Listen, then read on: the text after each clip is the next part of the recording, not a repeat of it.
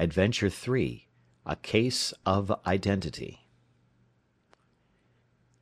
"My dear fellow," said Sherlock Holmes as we sat on either side of the fire in his lodgings at Baker Street, "life is infinitely stranger than anything which the mind of man could invent. We would not dare to conceive the things which are really mere commonplaces of existence. If we could fly out of that window hand in hand, hover over this great city, gently remove the roofs, and peep in at the queer things which are going on, the strange coincidences, the plannings, the cross purposes, the wonderful chains of events, working through generations, and leading to the most outré results, it would make all fiction with its conventionalities and foreseen conclusions most stale and unprofitable." "And yet I am not convinced of it," I answered. "The cases which come to light in the papers are, as a rule, bald enough and vulgar enough.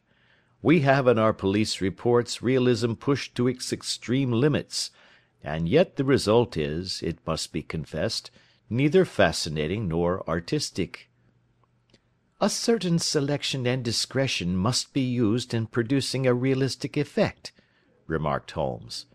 This is wanting in the police report, where more stress is laid, perhaps, upon the platitudes of the magistrate than upon the details, which to an observer contain the vital essence of the whole matter. Depend upon it, there is nothing so unnatural as the commonplace." I smiled and shook my head. "I can quite understand your thinking so," I said. Of course in your position of unofficial adviser and helper to everybody who is absolutely puzzled throughout three continents, you are brought in contact with all that is strange and bizarre. But here," I picked up the morning paper from the ground, "let us put it to a practical test. Here is the first heading upon which I come. A husband's cruelty to his wife. There is half a column of print but I know without reading it that it is all perfectly familiar to me. There is, of course, the other woman, the drink, the push, the blow, the bruise, the sympathetic sister or landlady. The crudest of writers could invent nothing more crude." "Indeed, your example is an unfortunate one for your argument," said Holmes, taking the paper and glancing his eye down it. "This is the Dundas separation case and, as it happens, I was engaged in clearing up some small points in connection with it. The husband was a teetotaler. There was no other woman, and the conduct complained of was that he had drifted into the habit of winding up every meal by taking out his false teeth and hurling them at his wife, which, you will allow, is not an action likely to occur to the imagination of the average story teller. Take a pinch of snuff, doctor, and acknowledge that I have scored over you in your example." He held out his snuff box of old gold, with a great amethyst in the centre of the lid. Its splendour was in such contrast to his homely ways and simple life that I could not help commenting upon it. "Ah!" said he, "I forgot that I had not seen you for some weeks.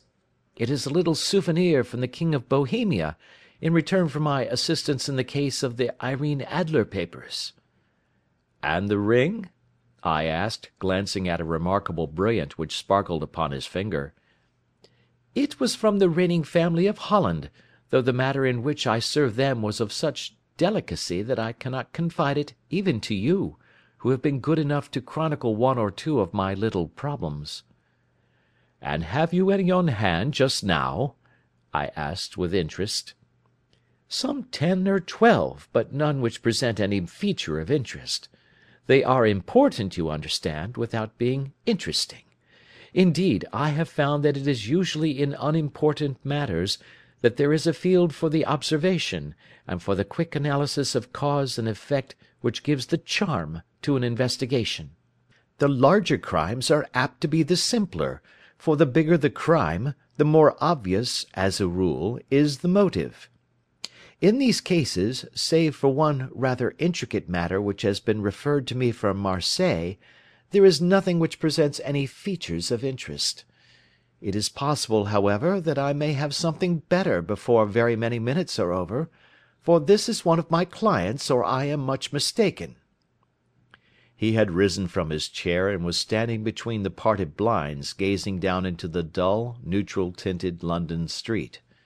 Looking over his shoulder, I saw that on the pavement opposite there stood a large woman with a heavy fur boa round her neck, and a large curling red feather in a broad brimmed hat, which was tilted in a coquettish Duchess of Devonshire fashion over her ear. From under this great panoply she peeped up in a nervous hesitating fashion at our windows, while her body oscillated backward and forward, and her fingers fidgeted with her glove buttons. Suddenly, with a plunge, as of the swimmer who leaves the bank, she hurried across the road, and we heard the sharp clang of the bell. "I have seen those symptoms before," said Holmes, throwing his cigarette into the fire. "Oscillation upon the pavement always means an affaire à. She would like advice, but it is not sure that the matter is not too delicate for communication. And yet even here we may discriminate. When a woman has been seriously wronged by a man she no longer oscillates, and the usual symptom is a broken bell wire. Here we may take it that there is a love matter, but that the maiden is not so much angry as perplexed, or grieved. But here she comes in person to resolve our doubts. As he spoke there was a tap at the door, and the boy in buttons entered to announce Miss Mary Sutherland, while the lady herself loomed behind his small black figure like a full sailed merchantman behind a tiny pilot boat. Sherlock Holmes welcomed her with the easy courtesy for which he was remarkable, and having closed the door and bowed her into an armchair, he looked her over in the minute yet abstracted fashion which was peculiar to him. "Do you not find," he said, "that with your short sight it is a little trying to do so much typewriting?" "I did at first," she answered, "but now I know where the letters are without looking." Then, suddenly realising the full purport of his words, she gave a violent start and looked up with fear and astonishment upon her broad, good humoured face. "You've heard about me, Mr. Holmes," she cried. "Else how could you know all that?" "Ha!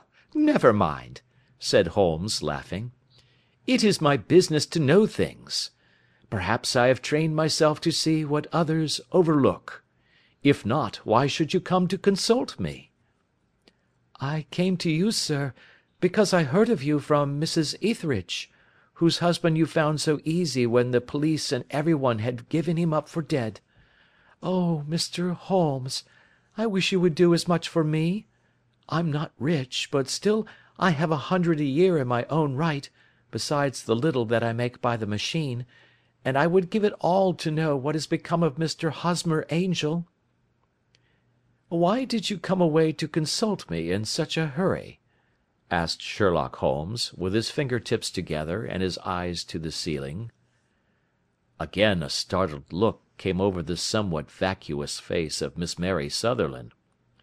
"Yes, I did bang out of the house," she said, "for it made me angry to see the easy way in which Mr. Windibank, that is, my father, took it all. He would not go to the police, and he would not go to you, and so at last as he would do nothing, and kept on saying that there was no harm done, it made me mad, and I just on with my things and came right away to you." "Your father?" Said Holmes.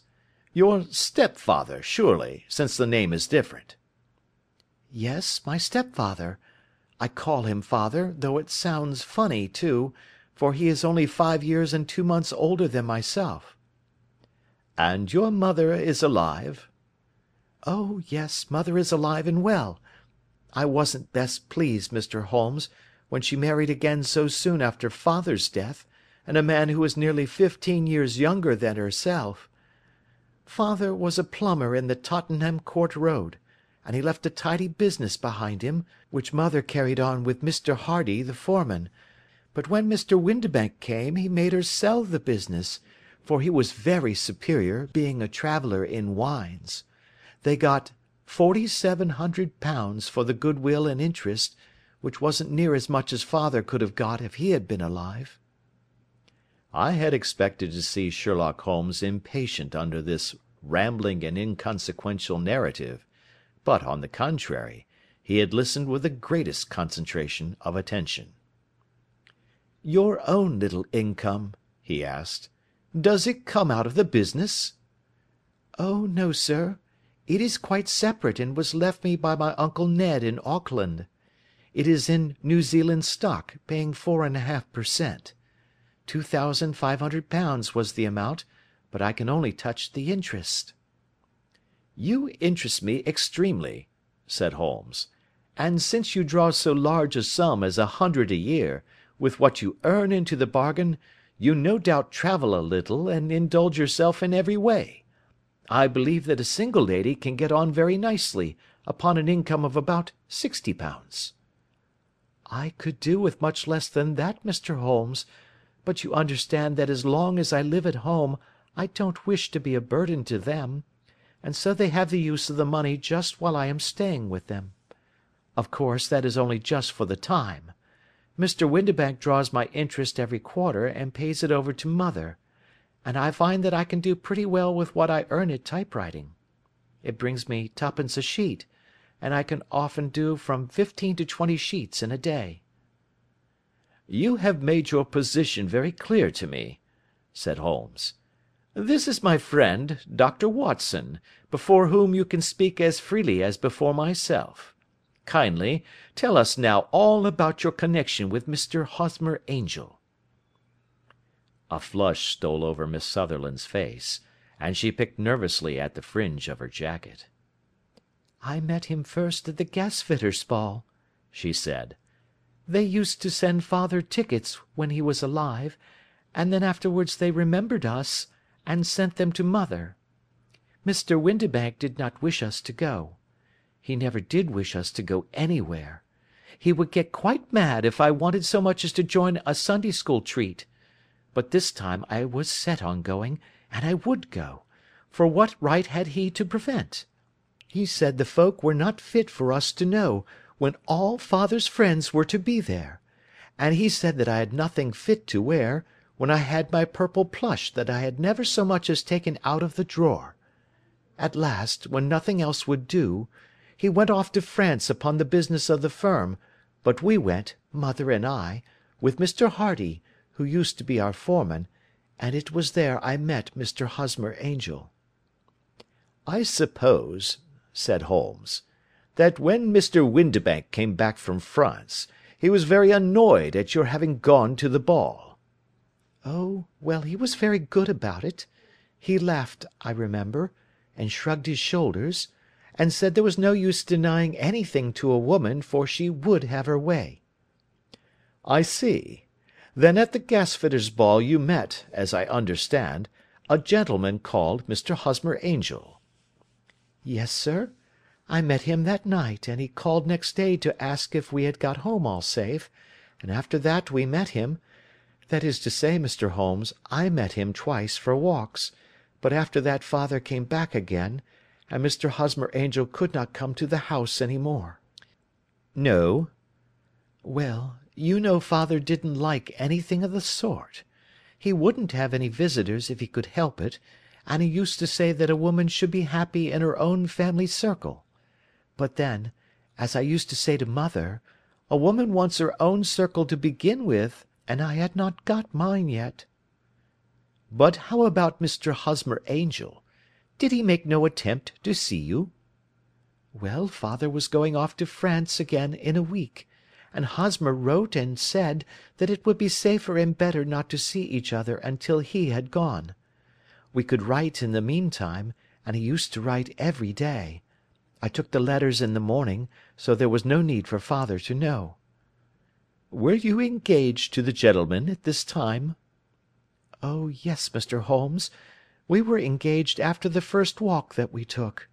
Hosmer—Mr. Angel was a cashier in an office in Leadenhall Street, and—" "What office?" "That's the worst of it, Mr. Holmes. I don't know." "Where did he live, then?" He slept on the premises." "And you don't know his address?" "No, except that it was Leadenhall Street." "Where did you address your letters, then?" "To the Leadenhall Street Post Office, to be left till called for. He said that if they were sent to the office he would be chaffed by all the other clerks about having letters from a lady, so I offered to typewrite them, like he did his, but he wouldn't have that, for he said that when I wrote them they seemed to come from me, but when they were typewritten he always felt that the machine had come between us. That will just show you how fond he was of me, Mr. Holmes, and the little things that he would think of.